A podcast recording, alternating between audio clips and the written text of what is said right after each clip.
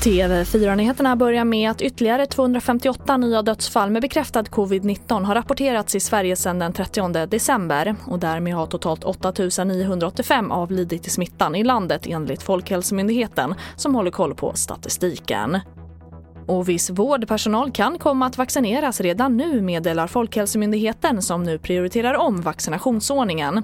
De som har störst risk att bli allvarligt sjuka eller dö i covid-19 ska erbjudas vaccin först. Men på grund av hög vårdbelastning kan regioner behöva tidigare lägga vaccinationer av personal på IVA för att inte riskera att personal blir sjuka med störningar inom vården som följd. Och ett nytt ras har inträffat i skredområdet i Gärdrum i Norge, det rapporterar NRK. Räddningstjänsten och all personal på plats har lämnat området som en säkerhetsåtgärd. Ingen person ska ha kommit till skada. Och en 22-årig man frias för att ha legat bakom sprängningarna i Kista och Husby i januari förra året, rapporterar SVT.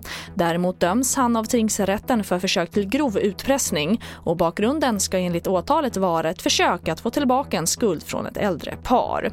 TV4-nyheterna, jag heter Charlotte Hemgren.